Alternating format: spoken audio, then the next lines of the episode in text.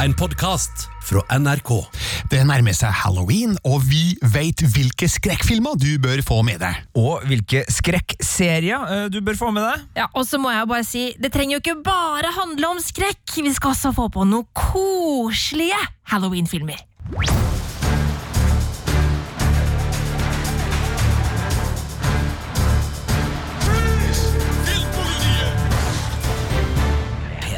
Velkommen til Filmpolitiets podkast, som vanlig med Birger Vestmo. Marte Hedenstad. Og Sigurd Vik. Og vi nærmer oss altså den tida på året der det er litt ekstra om å gjøre å se noe skummelt på skjermen, eller på kino for den del. Vi har jo da våre preferanser alle vi tre, og vi skal nå høre om de avviker fra hverandre, eller om vi er ganske samstemte. Ja, det blir en Halloween-spesialpodkast, det her. Reindyrka med tips og øh, holdt på å si triks, øh, men, men det, det, det blir ikke noe mye, mye triks her. Men, men vi er jo inne i, i en strid ganske tidlig her, Birger, for vi merker jo at der jeg og du sier skrekk, så er ikke Marte Hedenstad enig. Hun snakker om kos, og grunnen er jo at Marte Hedenstad er jo en skrekkfilm- og skrekkseriepyse av dimensjoner. Hun skvetter jo av trailere, og hoppa faktisk en halvmeter på kontoret for ikke så lenge siden da hun så på en trailer av en uh, enkel spøkelseshusfilm. Men Marte, hvordan har det her skjedd? Altså, Er det noe som har hendt deg i barndommen? jeg har en traumatisk barndom. Nei da. Altså, eh, da jeg var yngre, så så jeg masse skrekkfilm. Elska å se det. Opp gjennom tenåringsåra og videregående og sånn, så har jeg sett mye skrekkfilm, altså.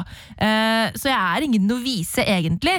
Det som er problemet, er at det, i de, alle disse årene hvor jeg har konsumert masse skrekk, så har jeg også vært skikkelig mørkeredd. Jeg har vært redd for å være alene hjemme. Jeg har vært redd for å ha lyset skrudd av hvis jeg liksom sånn må, skal stå opp for å gå på do på natta, eller sånt, så må alt lys på. Jeg, jeg har rett og slett blitt mørkeredd, og derfor så bestemte jeg meg på et tidspunkt at det her går ikke. Eh, Marte Hedenstad, du er en voksen dame nå, du kan ikke være mørkeredd. Hva er grunnen? Du må slutte å se på skrekkfilm. Eh, og etter et par år uten skrekkfilm, så har jeg slutta å være mørkeredd. Liten eh, historie om Birger Vestmo, tolv år. Eh, jeg gikk på en bygdekino noen kilometer unna der jeg bor, i Stjørdal, og eh, så en skrekkfilm som het Forbannelsen. Originaltittel And Now The Screaming Starts. Oh. Den er fra 1973, men ble vist da på bygdekino i 1982 av en eller annen grunn. Um, vi sykla da hjem i stupmørket fra den filmen, og så var det noen kamerater som visste at jeg og kompisen min hadde sett skrekkfilm, og de venta på oss på en spesielt mørk strekning, hoppa fram og sa bø! Oh. Og jeg elska det. Og jeg har alltid, har alltid hatt en forkjærlighet for skrekkfilm eh, siden eh, da. Og det var vel kanskje den første skrekkfilmen jeg så på kino, men ikke den siste. Altså, øh, Du må være litt forsiktig nå, for jeg tror Netflix kommer til å plukke opp den historien og lage en film av det der. En sånn metafilm som de gjør med, med alt nå. 80-tallsnostalgi, norsk bygd, Birger Vestmo på en BMX-sykkel. Ja, ja, ja, jeg kjøper den. Men jeg må bare si, jeg lata som jeg var veldig tøff i introen Ja, her. Og liksom dytta.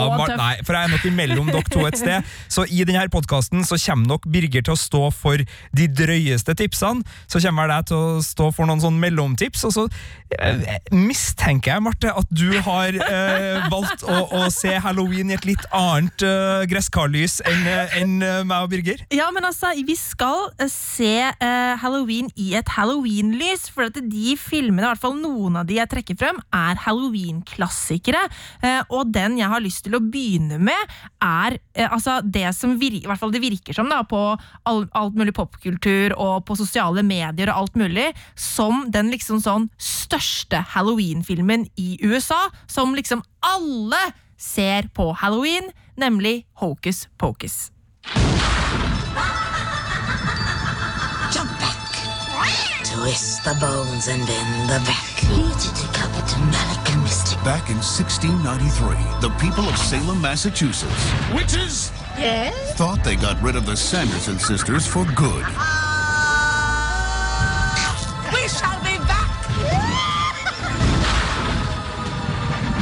300 years later, it's Halloween Eve, and they're back.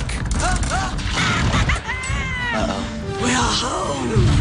Ja, det her hørtes ut som koseskrekk, og kanskje ikke så mye skrekk heller, Marte? Nei, altså Bortsett fra at disse heksene her må uh, spise barn og liksom suge sjela ut av dem for å holde seg ung, så er det lite, lite med denne filmen her som er skummel. Det her er jo en familiefilm fra Disney med da Bette Midler, Sarah Jessica Parker og Kathy Najimi, husker aldri hvordan jeg sier det navnet der, eh, i hovedrollene som da Sanderson-søstrene, som eh, eh, på en måte da blir drept i heksejakt i Salem på 1600-tallet, slutten av 1600-tallet, kommer tilbake 300 år senere på sjølveste halloween, når tenåringen Max ved et uhell presterer å gjenkalle de da fra de døde. Og det her er altså en fest av en film, som egentlig er veldig beskrivende i det der trailerklippet vi hørte er veldig beskrivende for hvordan type film det her er. Skikkelig sånn campy, overdreven, eh, gøyal, tullete og, og litt sånn derre Ja, veldig artig halloweenfilm, syns jeg. Um, og det her er av en eller annen grunn blitt en sånn der kultklassiker i USA. Jeg tror den fikk ganske sånn ræva mottagelse da den først kom i 1993, men har blitt en sånn film som man ser igjen og igjen og igjen hvert år. Uh, og jeg uh, har ikke sett den før Det var vel i fjor jeg så den for første gang, men den skal jeg absolutt se på lørdag, fordi det er en skikkelig gøyal og koselig film. Eh, og så er det liksom den snakker jo på en måte til alle de tingene jeg liker. Hekser, tull og tøys. Eh, og så er det også noen sånne musikalske innslag her som er helt nydelig. Eh, det er et sånt der halloween-ball eh, på et tidspunkt da i Salem.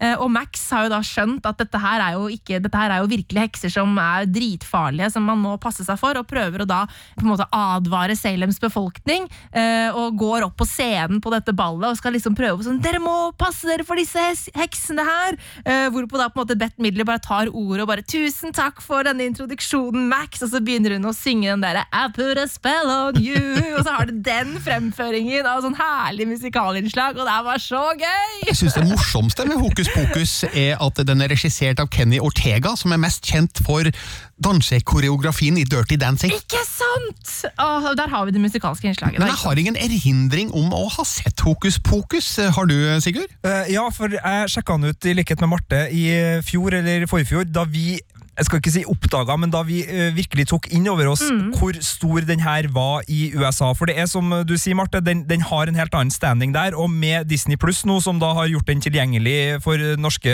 strømmemarked, og jeg lurer på om den var innom Netflix eller en Ja, annen jeg tror den også. lå der et år, ja. Ja, så, så har vi fått det. Og jeg tenker jo at denne filmen har mye til felles med de jule, en del av de julefilmene man bare må se hver jul for å få den julestemninga. Enten det er liksom interiør eh, i hjemme alene som gjør at du får den gode feelingen, eller det er et eller annet litt sånn eh, Askepott, eh, Tre nøtter til Askepott som bare må inn der. Altså At den har noen sånne halloween-kvaliteter som gjør at det liksom blir halloween i heimen når den står på.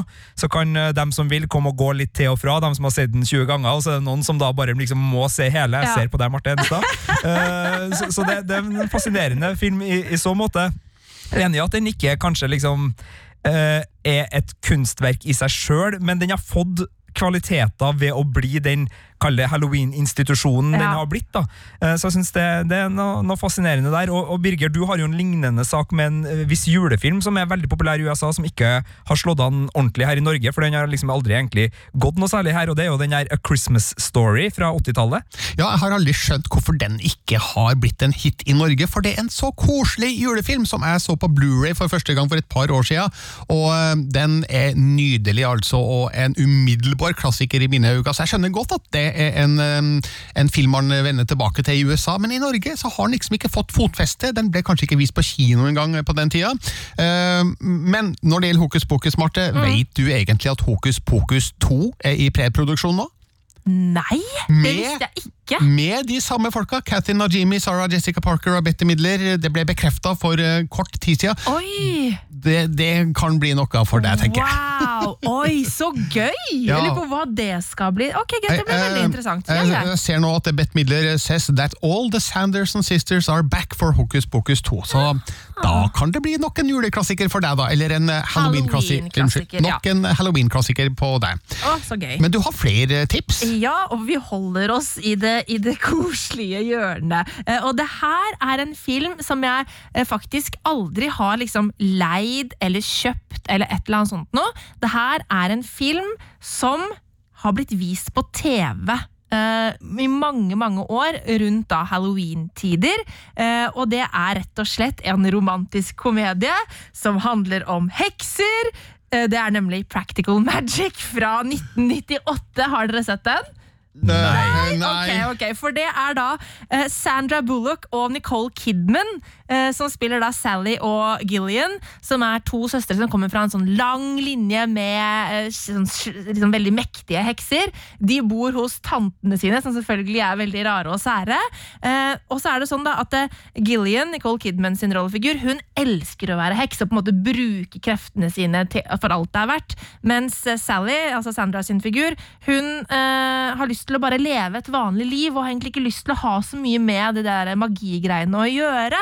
Eh, men så skjer det da en liten ting, og det er at Gilligan nok en gang eh, har liksom mm, rota det til med en eller annen fyr, eh, og så er det dessverre noen som Altså han Jeg kan jo bare si det, for det er ikke en spoiler, egentlig, skjer så tidlig. Han dauer. Han ved et uh, Ja, skal vi kalle det et uhell, da? Han slemme kjæresten hennes, og så kommer en etterforsker på døra, som da spilles Altså som da er en veldig sånn eh, eh, kjekk og sjarmerende etterforsker, eh, som da Sally får et godt øye til, og så må de da ved hjelp av magi og list og diverse prøve å komme seg ut av den knipa som de har havna i, da. Uh, ja, og den er bare så koselig, og den også er jo en sånn halloween greie fordi at den inneholder alt det som har med halloween å gjøre. Altså, det er hekser, det er kosteskaft, det er heksebrygg, det er eh, Det er ting som har med heksa å gjøre, Marte. Jeg synes det er én ting som har med halloween å gjøre, da. Jeg lurer på om den faktisk foregår rundt halloween òg, men den er skikkelig, skikkelig koselig. Jeg vet ikke helt hvorfor ikke den har på en måte blitt sånn veldig kjent, egentlig. For det er jo Nicole Kidman og Sandra Bullock. eh, Men den har kanskje gått litt igjen under radaren, eh, i likhet med Hocus Pocus da, her i Norge. Jeg har ingen erindring av å ha sett Practical Magic heller, eller Magiens makt, som den het på Ja, kino i mm. 1998. Men det høres ut som en film som jeg kan ha sett, men glemt! Ja, hvis det er men lov å si. den er virkelig verdt å se, altså, fordi er en, den, er en, den er veldig lun, trivelig, og hvis man på en måte er en person som syns det er gøy med halloween, men ikke har lyst til å bli redd, så er dette her Men- et perfekt eh, tips. Men den har tolvårsgrense, ser jeg, så noe Ja. småskummelt må det vel være? Ja, altså Det er jo litt på grunn av at det er en uh, psykopatisk kjæreste som uh, dør, og som uh, eh, gjenoppstår fra de døde og skal ta hevn.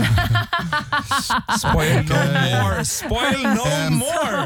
En, en morsom skrekkreferanse her er jo at filmen er regissert av Griffin Dunn, som spilte den ene hovedrollen i En amerikansk varulv i London i Å, ja! 1981, som også er en fantastisk bra Halloween-film. da Det kunne godt ha blitt eh, nevnt i denne podkasten. Det blir den ikke, med mindre du har den på lista di, Sigurd. Nei, men den blir nevnt i den rykende ferske Netflix-filmen uh, Don't Sleep in the Woods Tonight, en polsk skrekkfilm som er full av filmreferanser, og de snakker blant annet mens de går i skogen, Birger, Akkurat. om uh, varulvfilmen. ja. Du har et tredje tips, Marte. Ja, og nå blir på en måte temaet for min, min lille eh, ja, topp tre-liste, om du kan kalle den det, eh, satt, fordi det handler om hekser her også.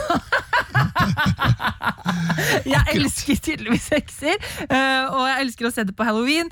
og den filmen som jeg har lyst til å anbefale helt til slutt, det er en altså så utrolig koselig film eh, med en helt nydelig Michelle Pfeiffer i rollen som ond heks på jakt etter eh, å, å se ung ut, og det er Stardust jeg snakker om. Eh, og det her er jo da en utrolig koselig eventyrfilm fra 2007, eh, med da Robert De Niro? Eh, Robert De Niro spiller en luftpirat. En helt nydelig eh, eh, aktig eh, kul fyr. Og Charlie Cox, altså, som senere ble Daredevil, han spiller da hovedrollen som Tristan Thorne, som er da en fyr som lever i, i vår verden, men som på en måte tar steget over i en sånn slags eventyrverden på jakten etter en fallen stjerne som han skal gi til eh, jenta han er forelsket i. Men så viser det seg at i dette eventyrlandskapet så er eh, stjerner er ikke bare liksom en kald klump med, med stein, eller en varm klump med stein. Eh, det er et, et menneske, et magisk menneske. Eh, spilt av eh, godeste Homeland eh, girl herself, eh, som jeg nå har glemt navnet på. Claire Danes. Claire Danes. Og det her er en utrolig koselig eventyrfilm som også har Altså, den har alt. Den har et veldig bra eventyr, den har romantikk, og den har skikkelig kule bad guys. Eh, eh, Jeg syns Michelle Pfeiffer er så utrolig tøff, da, som er denne heksa på jakten etter denne falne stjernen, fordi at ved å spise eh, altså eh, liksom The flesh of a fallen star, så vil de holde, hun og søstrene sine holde seg unge. Eh, for hun er jo selvfølgelig jævla stygg, fordi hun er dritgammal. Men ved å spise litt stjerne, da blir hun ung igjen. Så det er liksom formålet, da. Og så, det er en veldig veldig koselig film. Jeg vet at du har sett den. Jeg tror kanskje du òg har sett den, Birger? Du, jeg har faktisk anmeldt Ja. den. Jeg ga den terningkast fire i sin tid, og skrev da at Stardust oppfyller det viktigste kravet til en eventyrfilm. Den forteller et skikkelig eventyr. Ja. Men jeg skriver ingenting om skrekk og gru her. Nei, det er ikke, nei, men det er ikke skrekk og gru. Det er ingenting med skrekk og gru, for Jeg mener at Halloween-filmer trenger ikke være skrekk og gru, men det må være magi og eventyr. Og hekser. Eh, og hekser. Ja. Det Og- er Så det er mitt kriterium. Mest Ja. hekser. Ja. Også, det har faktisk Stardust. Den har eh, nok av fantasi. Ja, men jeg syns den er bedre enn terningkast fire. For meg hadde den fått en terningkast fem, fordi det her er en sånn film jeg har sett igjen og igjen og igjen og igjen, og igjen, og jeg storkoser meg hver gang. Jeg husker også at jeg ga den terningkast fire, Birger, eh, da jeg anmeldte den for studentradioen eh, back in the day. Så, så, men eh, jeg husker også Jeg at den jeg Hvis du hadde sett den i dag, så tror jeg du hadde gitt den fem. Det kan være. Eh, Jeg husker at jeg likte den, i hvert fall. Men Ja. eh, på den tida så da, da Du var så pretensiøs. Ja, ja, ja. Ung filmstudent rett uh, ut av videregående og med en skarp penn som skulle knuse Hollywood-drømmer og punktere alt i hop. Men, uh, men uh, disse filmene, altså Hocus Pocus vet jeg at er på Disney pluss. Hvor får man sett eh, Practical Magic Eh, og. Stardust? Eh, Practical Magic, jeg har skrevet opp her. Eh, den ser du ja, Her er det bare skrevet 'til leie hos de fleste strømmetjenester'. Eh, så den er også til leie da overalt. Eh, og det samme er Stardust, men den ligger også eh, på da strømming hvis du har Amazon Prime Video. Aha. Da er det spennende å høre om det blir mer skrekk og gru når du, Sigurd Vik, skal komme med dine halloween-tips. Det blir mindre hekser og mer skrekk og gru, og vi starter da med en serie for dem som har lyst på liksom skikkelig sånn marinering og ti timer lang skrekk og gru. Vi starter på Netflix, og vi starter med den nydelige serien, eller den ubehagelige serien, The Haunting of Hill House. Your mother, she was not crazy. Was your sister, neither is your brother, neither are you. It's that house.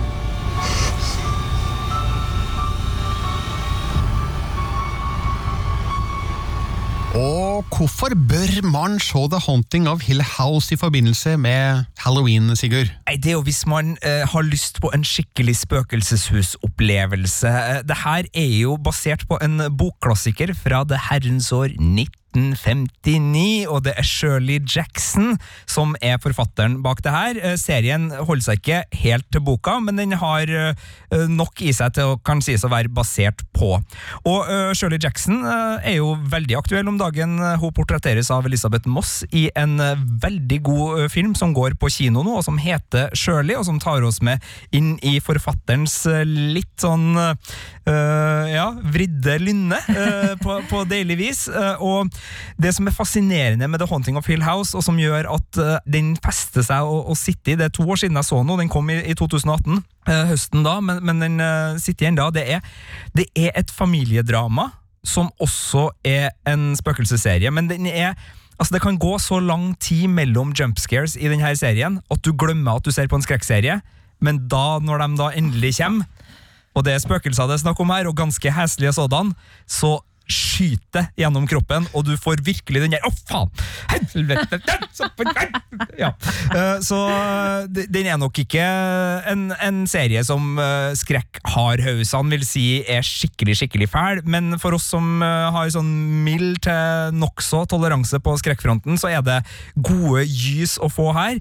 Men den, den er ikke ute etter å skremme oss hele tida, den vil heller skape en, en stemning av uhygge og en litt sånn foruroligenhet som, som kommer av at uh, spøkelsene og uh, forbindelsen som det her spøkelseshuset gjør med sine innbyggere, er løst på en veldig smart og ekkel måte. Og det er der serien virkelig går inn og skiller seg fra klassiske spøkelseshusfilmer hvor det bare er det overnaturlige som prøver å bli kvitt menneskene som kommer inn, eller dukker som skal ta hevn, eller hva som helst han uh, Insidious-skaperen eh, lager med Annabelles og, og du vet. Men uh, her handler det vel så mye om det psykologiske, og, og det er en uh, skrekk som eh, Jo, den er overnaturlig, for all del, og, og det er fascinerende å se hvor mange spøkelser de har klart å dytte inn i det her huset, men, men det, er, det er det mm, menneskelige som er interessant, og hva vi gjør i hverdagen vår som egentlig er ganske skrekkelig. Altså, Jeg har jo ikke sett den her, eh, men måten du forteller om det på Jeg syns jo det der høres verre ut enn bare sånn jump scares. For jump scares, det er jo eh, Det skjer, og du skriker, og så er det ferdig. Eh, mens det der høres ut som en sånn derre ubehagelig følelse som sitter igjen i kroppen etterpå. Stemmer det? Ja. Ja, Og, Og- derfor skal jeg ikke se det! Og jeg vil også si at du skal ikke se traileren, fordi jeg syns traileren gir bort litt for mye. Så oh, ja. ikke se traileren hvis du har lyst til å få alle overraskelsene vel bevart helt gjennom alle ti episodene. Jeg har ikke sett eh, The Haunting of Hill House fordi samboeren min er litt som deg, Marte. Jeg er ikke noe glad i skrekkfilm og serier, og da blir det litt vanskelig å få konsumert ti timer eller hva det nå er da, med, med, med skrekk. Det er faktisk ja, ni timer og eh, 33 minutter, det ser jeg nå på Internet Movie Database. Men det her er, jo en serie på Netflix som har fått en slags oppfølger da, i The Haunting of Bly Manor. Er det en serie som er også like grei å få med seg her? Det skal jeg svare deg på etter denne her halloween-helga, for den har jeg spart. Ah, altså det, er opp, det er en slags oppfølgersesong. Det, det, de står ikke sammen som på en måte sesong én og sesong to, men de tilhører da The Haunting-universet som Netflix nå driver og bygger rundt Mm, men den er det det samme biten. huset? Nei, Nei. Uh, det tror jeg ikke. Uh, men, men jeg har holdt meg unna traileren på det, fordi Mm. jeg ble, uh, jeg ble eh, litt eh, sånn ok, føre var på, på traileren av eh, The Hill House. Jeg skal ikke se traileren til Haunting of Bly Manor. Det lille jeg har fått med meg, at den skal være litt mildere enn The Haunting of Hill House, men jeg gleder meg til å gyve løs på, på The Haunting of Bligh Manor. Jeg tror det er sånn passe skrekkelige greier. Og så mm, skal jeg eh, si deg, gi deg svaret på det om, om den holdt mål, Birger Kjenner? Det høres veldig bra ut. En ting verdt å merke seg er jo at begge de her seriene vi nå snakker om, er jo skapt av Mike Flanagan, som regisserte den overraskende gode mm, oppfølgerfilmen Doctor Sleep, altså oppfølgeren til Stanley Kubricks klassiker The Shining. Det er og da to filmer verdt å merke seg i denne Halloween-helga, som mm, vi kun har tatt med på lista, men som ikke er med, så vidt jeg vet, for nå skal vi over på dine to siste tips, Sigurd. Ja, jeg skal Det blir mildere og mildere fra meg nå. Jeg skal ikke noe, noe hardt til verks, men eh, på Netflix, når jeg var der og, og romsterte her om dagen, så så jeg en uh, film som jeg er veldig glad i. Den har dukka opp uh, på strømmetjenesten. Den er også forleid og, og kjøpt overalt. Og det er Sleepy Hollow. Altså historia Ja. om den hodeløse rytteren med Johnny Depp som etterforsker i skogene utenfor New York, og med et rollegalleri som eh, Ja, det er ganske mye Harry Potter-fjes faktisk i, i den. Du får eh, både onkelen til Ja. Harry Potter og, og Dumbledore uh, dukke opp der i, i skuespillerprestasjoner. Og det er jo en klassisk uh, høst- og seriemorder og spøkelseshistorie av den uh, deilig, litt sånn gotiske varianten. Ja, og den er, den er ikke for skummel. Nei. Den, den kan jeg se. Eh, og den har jeg jo sett flere ganger, men det er mange år siden jeg har eh, sett Sleepy Hollow nå, altså. Ja, jeg så den på kino da den kom i 1999, og så har jeg ikke sett den siden. Og så lurer jeg litt på hvorfor det, egentlig, fordi jeg elska jo den da. Og Tim Burton er jo en visuell regissør som alltid er interessant å um, komme tilbake til. Men uh, nei, den står nå på lista mi over filmer jeg bør få med meg. Og hvorfor liker du den så godt? Nei, det, det er både skuespillere, stemning, altså du har musikken til Danny Elfman, du har regien til Tim Burton, du har uh, Christina Ricci som spiller en, en veldig god rollefigur, og det her er jo fra den tida Johnny Depp var inne i en veldig god steam. Altså det her er 1999, eh, Johnny Depp drev på denne tida og laga From Hell, altså Jack the Ripper-filmen. Han laga The Ninth Gate, som også er en eh, veldig ubehagelig, litt sånn lett satanisk etterforskningsfilm, og han var liksom på trappene da til å, å dra på med uh, Pirates-greia, og han, han har jo liksom alltid hatt veldig god tone med Tim Burton, enten det var i Edvard Saxhorn, som også selvfølgelig en Halloween-anbefaling, eller Ed Wood. altså De to hadde en veldig god kjemi, klarte å få veldig mye godt ut av hverandre. Willy Wonka også, for så vidt, hvis man skal ta det. Og, og det er veldig mye som stemmer i denne filmen, og ikke minst så er jo Christopher Walken eh, en, en eh, herlig eh, bad guy, hvis man kan kalle den hodeløse rytteren for det. Så vil jo det vise seg hvem som egentlig er bad guys og sånn. Skal ikke avsløre for mye her, men det er jo en historie som også har en, en snert, og den er jo basert på et sagn som virkelig har blitt både filmatisert og, og fortalt i, i mange varianter. Så, altså, her går man jo inn i folkloren på et uh, deilig vis, og, og klarer å bygge et eventyr som funker veldig godt på den store skjermen. Jeg så den også på kino og storkosa meg.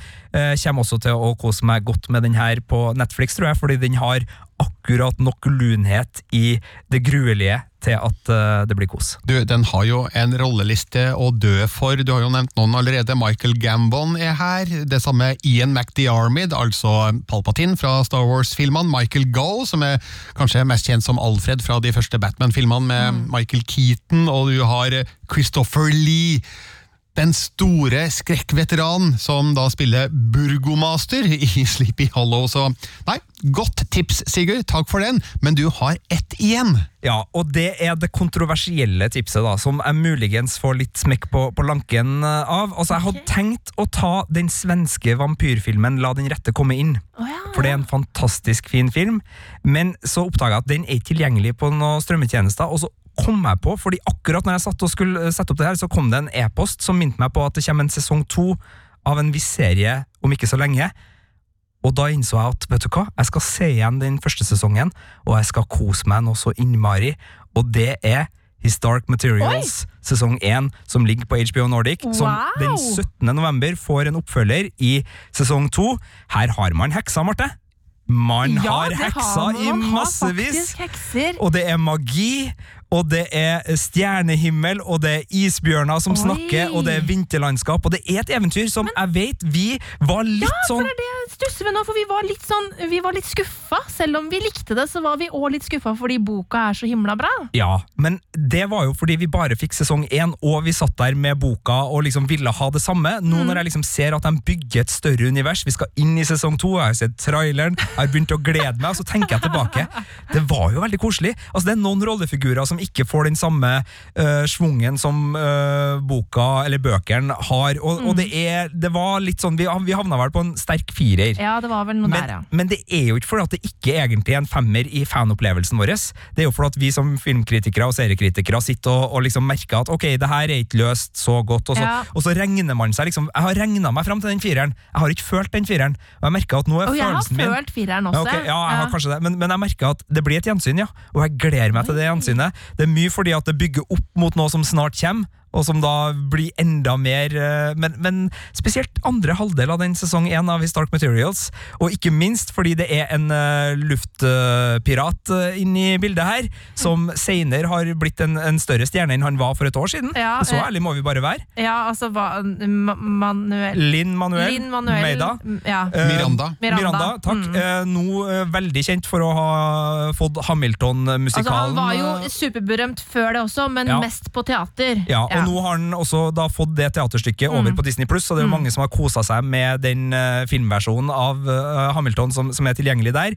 Eh, og som vi også oppdaga, han har jo også skrevet den beste låta fra Vaiana Moana, så, Yes. så han har mye å tilby. Men, men det er så mye kult i den serien at jeg velger å svi av det siste og tredje Halloween-tipset mitt på Historic Materials. Uh... Men altså, hvis du skal, hvis du skal på en måte det er, Du har jo på en måte ditt på det tørre hvis du skal gå for mine kriterier, som er hekser, eventyr og magi. Ja. Eh, sånn at og, jeg, og jeg er jo ikke uenig med deg. Altså, jeg, jeg, jeg mener jo at man både kan se det skrekkelige Ja. og det lune og hyggelige i halloween, men det er fint at det har en, en viss tilknytning til, til ja, det spektakulært eventyrlig. Men orker du virkelig å se igjen en serie på 8-9-10 timer bare et par år etter at du så den første gang? Ja, det er jo Ja, veldig, år. ja, veldig flaks å ha det her som jobb, da. For jeg regner jo med at jeg og Marte er nødt til å lage noen podkaster når det kommer en ny sesong av eh, Historic Ja, Materials, så research kaller jeg det. Vi har jo faktisk, vi som er så heldige å, ha den jobben som vi har, har jo allerede fått screenere på sesong to, så de ligger jo og venter! Så det er jo bare å begynne å kose seg. Og uh, for å svare på øh, spørsmålet ditt ordentlig, Birger, jeg har akkurat sett igjen alle Marvel Cinematic Universe-filmene, som det ikke er så veldig lenge siden jeg så sist, så uh, min gjenbrukspotens er høy. Prosent. ja. Gjenbruksprosent. Ja, ja, ja. Du, interessant. Men eh, nå, folkens, nå kommer fasiten. Fordi nå er det mine tre Halloween-tips som står for døra. Og siden dere har stort sett holdt dere til litt mer nyere, mer moderne ting, så går jeg lenger tilbake i filmhistorien og henter fram tre klassikere som jeg mener bør sees rundt halloween. Og da starter vi i 1984. Eh, Og nå skal jeg prøve å legge an trailerstemmen min her. A Nightmare on Elm Street. Jeg fikk det ikke helt til, men han fyren vi hører her, han får det til. The kids of Elm Street don't know it yet, but something is coming to get them.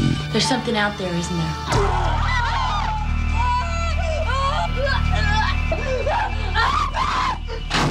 We just see cuts happen. What did that, Lieutenant? I don't know. What's the coroner got to say? He's in the John puking since he saw it. They're gonna kill me for sure. Did you do it? There was somebody else there. He was locked in a room with a girl who went in alive and came out in a rubber bag. No one knows where it came from or who it will visit next. Nightmare on Elm Street. Ja, Det er ingenting som slår de her reklamestemmene fra 1980-tallet, det er sikkert og visst. Og A Nightmare on Elm Street så jeg ikke på kino. Den fikk 18-årsgrense da den kom, jeg var ikke 18, og um, det var like greit fordi det mangla ca. tre minutter av filmen på norske kinoer, rett fordi den ble selvfølgelig sensurert, for det ble alle skrekkfilmer i Norge på den tida, men jeg så den på kanskje den beste måten, nemlig på en piratkopiert VHS-kassett. Det I er kjellerstua, eller hvor, hvor befinner vi oss eh, hen eh, da? vi, vi er ikke i en kjellerstue, men vi er i stua til en eh, kamerat som hadde en eldre bror, har en eldre bror, som var FN-soldat i Libanon, og der var det lett å få tak i Oi, piratkopierte wow. VHS-kassetter! Slik at jeg så A Nightmare on Elm Street eh, på, på den måten, og det var liksom litt dobbelt moro, da, å se en film som var, for det første, piratkopiert, og for det andre usensurert. Så det føltes, eh, det føltes ut som vi begikk et lite lovbrudd da vi så filmen. Eh, Etter det så har jeg selvfølgelig sett den på ordentlig, da, i god kvalitet, både på, på DVD og laserdisk før det, faktisk, og nå på Blu-ray. Og det er en film som har tålt tidas tann, syns jeg. Det er jo en eh, film av Wes Craven, som er en eh, skrekkfilmveteran av de store, dessverre avdød nå, men han er vel kanskje mest kjent for denne filmen og Scream-filmene, eller Skrik-filmene, som de heter i Norge. A Nightmare on Elm Street handler om en gjeng ungdommer som bor på Elm Street. De blir oppsøkt i sine drømmer av en skummel figur med forbrent ansikt og eh, brun hatt, og så har han en sånn rød-grønn-stripa pullover, og ikke minst, han har en knivhanske på høyre hånd med fire skarpe blad som han dreper sine ofre med i deres drømmer. Robert Englund spiller da Freddy Kruger, og det har han gjort i sju, åtte, ni Nightmare-filmer har mista litt en TV-serie òg, men det var kanskje uten Freddy Krueger. Men det var en sånn uh, Nightmare on Elm Street TV-serie, tror jeg, en liten periode. Det stemmer. Jeg har ikke helt tellinga på hvor mange av de Robert Englund er med i, men det er jo den første som er den aller, aller beste, da. Der vi ser han terrorisere sine mm, ofre på ulike måter. Han kutter av seg fingrene sine bare for å vise hvor badass han er, og han eh, tar livet av Tina på spektakulært vis ved å kaste hun rundt i rommet, og mm, der tyngdekrafta ikke gjelder lenger, og ja, skal vi si det som det er, han åpner magen hennes, og blodspruten står, og det er i det hele tatt veldig grotesk på en herlig måte. Og så syns jeg at filmen er, den er kanskje ikke sånn jump scare-skummel, men det er mer en sånn gjennomgående guffen stemning, samtidig som at den sorte humoren den ligger og lurer rett bak sjokkeffektene. Denne figuren har jo fått en egen plass i vår kulturelle kollektive bevissthet, kan du si, og er den dag i dag en, en kul filmfigur å gjenoppsøke. Så her eh, syns jeg dere bør eh, sjekke ut A Nightmare on Elm Street, som er tilgjengelig på de fleste digitale tjenester, eller i hvert fall mange av dem både for kjøp og for leie. Jeg vet ikke hvilke minner dere har til Nightmare on Elm Street? Ja, jeg har sett den flere ganger, men nå er det jo veldig mange år siden, da, siden jeg har slutta å se skrekkfilm. Men, men jeg husker også den her med, den der ubehagelige følelsen. Og så eh, er det jo en slasher, eh, og det syns jeg jo er gøy. Eh, så den er morsom på en fæl måte. Ja, den tar jo livet av sine ofre på ganske oppfinnsomme måter, spesielt eh, Johnny Depp i en veldig tidlig rolle, kanskje hans første filmrolle. Han blir jo da sugd ned i ei seng og kommer opp igjen som en blodsprut, rett og slett. En ganske stor en. eh, Så der er det mange fine scener som West Craven har kokt sammen, og klart, noe av det her virker jo datert i dag, men det syns jeg jo bare er sjarmerende når jeg har de nostalgiske følelsene jeg har da for A Nightmare on eh, Elm Street. Eh, Det er vel også denne filmen som er skyld i at jeg eh, tenker meg både to og tre ganger om før jeg setter meg i et badekar. Det stemmer det, for eh, hovedfiguren i filmen eh, sitter i et badekar, og noe kommer opp mellom beina hennes. Altså, eh, fordi eh, Hvis man begynner å tenke på det, så er det jo liksom Det er jo sluk og kloakk rett liksom, i det koselige altså, sånn, det, det er en liten sånn tynn gummikork som skiller deg fra alt som potensielt lever i kloakken. Har du tenkt på det, Marte Henstad? Når eh, du sitter i et badekar eh, og altså- tenker på liksom alt som kan komme opp, uh, som bare trenger å liksom her, Den eh, korken borte. Eh, Jeg har aldri vært redd for å sitte i et badekar, og det handler vel om, eh, om tidspunktet at jeg var liksom gammel nok da jeg så, så den filmen. Men jeg har hatt litt sånn der Jeg var litt redd for å gå på do en periode da jeg var liten, fordi jeg hadde sett Jeg husker ikke hvilken av Kritters-filmene det var, men jeg har to eldre brødre, og jeg har sett altfor mye fæl film altfor tidlig. Og Kritters er jo ikke sånn skummel egentlig, men for en Ja, si jeg var kanskje Nei, fire, da! så, så, så er det ganske skummelt. Og da var det en av de Critters-filmene hvor det kom en kritter opp av dass. Og det husker jeg, det, det, da var jeg redd for å gå på do lenge etterpå. Ikke se A Nightmare on Elm Street igjen, da, hvis du fremdeles liker å ta deg et langt, varmt bad. jeg er jo veldig glad i å bade, Ja. eh, så kanskje jeg må, må sette den på vent. Men nå skal vi over til mitt neste tips, og da går vi enda to år tilbake i tid, til 1982, og John Carpenters The Thing. Og jeg har slitt litt med å egentlig bestemme meg for om det her kan kalles en Halloween-film eller ikke, men det er jo en eh, skrekkfilm med sci-fi-elementer, så jeg syns det går. Og de som ikke vet hvilken film det her er, så handler det om en amerikansk eh, sydpolbase der eh, mannskapet finner et vesen i et romskip som smelter frem fra isen. De tar med seg dette vesenet, som da er dødt, tilsynelatende, inn til sin egen base, og så viser det seg at Oi, det var kanskje ikke dødt allikevel. Og det viser seg at det har egenskapen med å absorbere mennesker og stimulere dem, slik at plutselig er de i en situasjon der de ikke vet hvem som er menneske, og hvem som er The Thing. Og det her resulterer i flere skrekkelige sekvenser med skikkelig stor spenning, og den har noen eksempler på praktiske effekter av gørr og blod som er helt hinsides, og som ingen nærmest har greid å gjenskape siden. Det var en ung magiker, kan vi si, som het eh, Rob Bottin, som sto for effektene i The Thing, og til og med mine tenåringssønner de er helt overbevist om at det her er tidenes beste effektfilm når det gjelder gørr og blod. Og det er jo en film som også har fått en oppfølger fra 2011 som også het The Thing, med en del norske skuespillere, annet Kristoffer Hivju. Den er ålreit, men den er ikke like god fordi at du ser at her er mange av effektene digitale.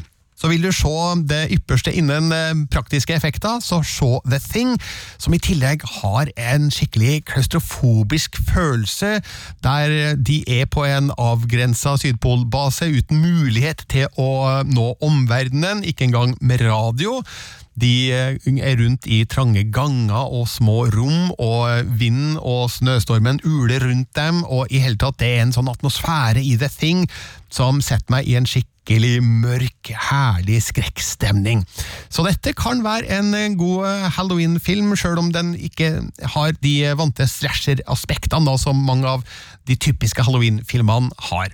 Er det noen som er enig med meg i at The Thing dug? Ja, altså, Jeg har ikke sett den siden jeg gikk på videregående. Eh, så den tror jeg faktisk jeg har litt lyst til å se igjen. Eh, og den her er ikke, den er ikke skummel på den måten at jeg ikke kan se den. For det er, det, er, på en måte spøkelser og demoner jeg ikke tør å se. Eh, så denne her går fint. Ja. så jeg tror kanskje jeg skal Den- plukke opp den. Den er skummel, altså! Ja, men ikke, ikke på den Det er ikke spøkelser. Det er det jeg er redd for. Spøkelser og demoner. Det går ikke. Så Alien går bra hos deg? Alien går fint. Ja, nei, eh, er og alt nok, av eh, slasher og gørr og blod og alt sånt, det går bra. Det er det der spøkelsesgreiene som jeg får så noia av. Eh, så ja, kanskje jeg skal se The Thing i helga? Det hadde vært veldig bra hvis du gjorde, Marte. Sigurd, har du noen tanker Altså, om det det? er jo en hovedperson som spilles av en skuespiller som vi er ganske glad i, og som dukker vel opp i en julefilm faktisk på Netflix ganske snart. Men uh, to ord om stjerna, Birger? Kurt Russell Ja. han var jo opprinnelig en Disney-stjerne som liten gutt, men han uh, utvikla seg jo til, til å bli en uh, sjangeroverskridende skuespiller, og i sin tidlige fase jobba han mye med John Carpenter. Han spilte Elvis i filmen Elvis. Han var med i Escape from New York, og også da The Thing året etter. Så her har han virkelig fått bryna seg på en hel del morsomme, ekle ting, men The Thing er jo da min favoritt blant eh, disse. Og så kan jeg nevne at um, filmens regissør John Carpenter han har jo stått for flere gode grøss, og vi bør jo nevne Halloween. Den heter jo faktisk Halloween fra 1978, som er den optimale, ultimate Halloween-filmen man kan se.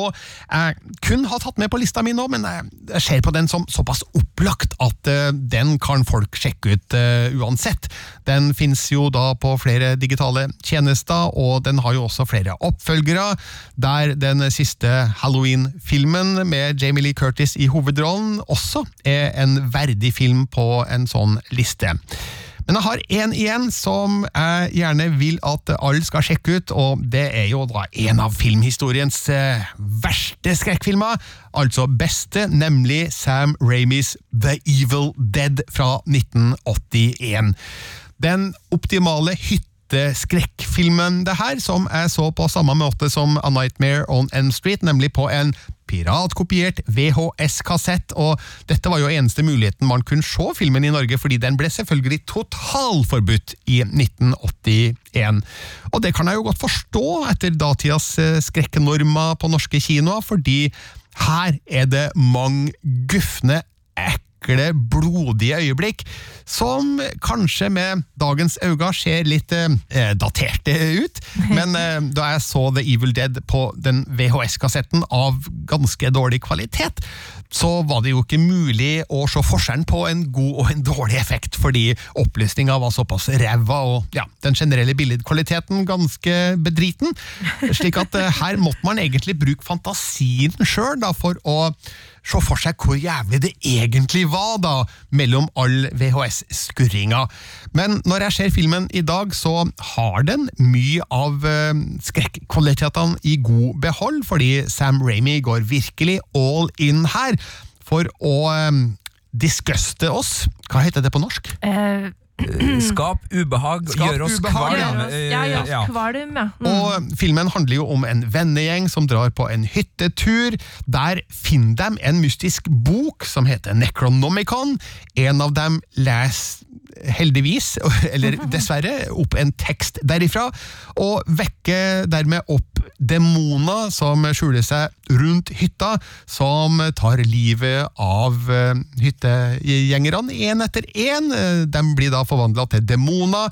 Som eh, den siste gjenværende, ok, spoiler alert, eh, Ash, spilt av Bruce Campbell, er nødt til å ta av dage, og ja, det gjøres jo på ulike vis, men eh, Alt er virkelig grotesk og blodig og herlig.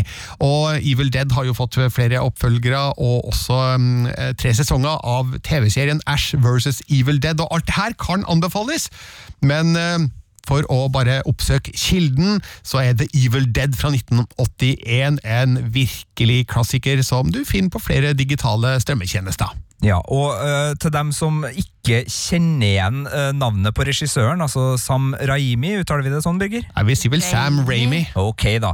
Uh, Så er det også regissøren som står bak de tre Spiderman-filmene med Toby Maguire, og en mann som snart blir aktuell i Marvel Cinematic Universe med den neste Doctor Strange-filmen, så det er ikke en gammel type som er utdatert, det her. I likhet da med Ash vs. Evil Dead-serien, som på en måte gir han eh, også en eh, god, god hånd med i spillet her, så er det en eh, meget viktig og fremdeles veldig relevant filmskaper man har med å gjøre her, så, så bare der, bare det gjør jo at filmfans bør sjekke ut Evil Dead. Ja, og hvis man elsker The Evil Dead, så har han laga flere skrekkelige ting, og Drag Me To Hell er en film jeg gjerne vil anbefale da, fra 2009.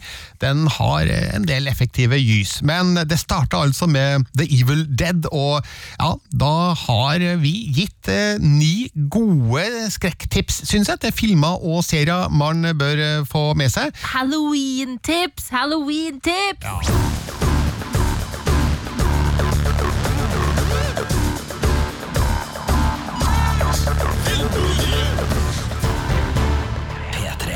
Men vi har enda flere halloween-tips, Marte. Yes, fordi vi har laga en eh, liten eh, deilig tipsliste som ligger ute på nrk.no kultur, med hele ti tips for halloween-helga. Eh, noen av de har vi snakka om nå, men det ligger enda flere der, altså, som, som du kan kose deg med. Og så har det også kommet ny skrekk på kino, så hvis du er interessert i for eksempel da filmen Relic, så gå på filmpolitiet. punktum- Nei, nei, nei, nei, gå på P3. punktum. Gå på P3 eh, skråstrek filmpolitiet, så kan du lese anmeldelsen av den ferskeste skrekkfilmen der. Denne podkasten er over. Du finner våre anmeldelser på ja, nå har du nettopp sagt det, men p3.no skråstrek filmpolitiet. Vi er også på Instagram og på Twitter, og så har vi en e-postadresse filmpolitiet at nrk.no hvis du har spørsmål eller kommentarer. Vi som har vært her i dag, Sigurd Vik. Marte Hedenstad. og Birger Vestmo. Du har hørt en podkast fra NRK P3. Hør flere podkaster i appen NRK Radio.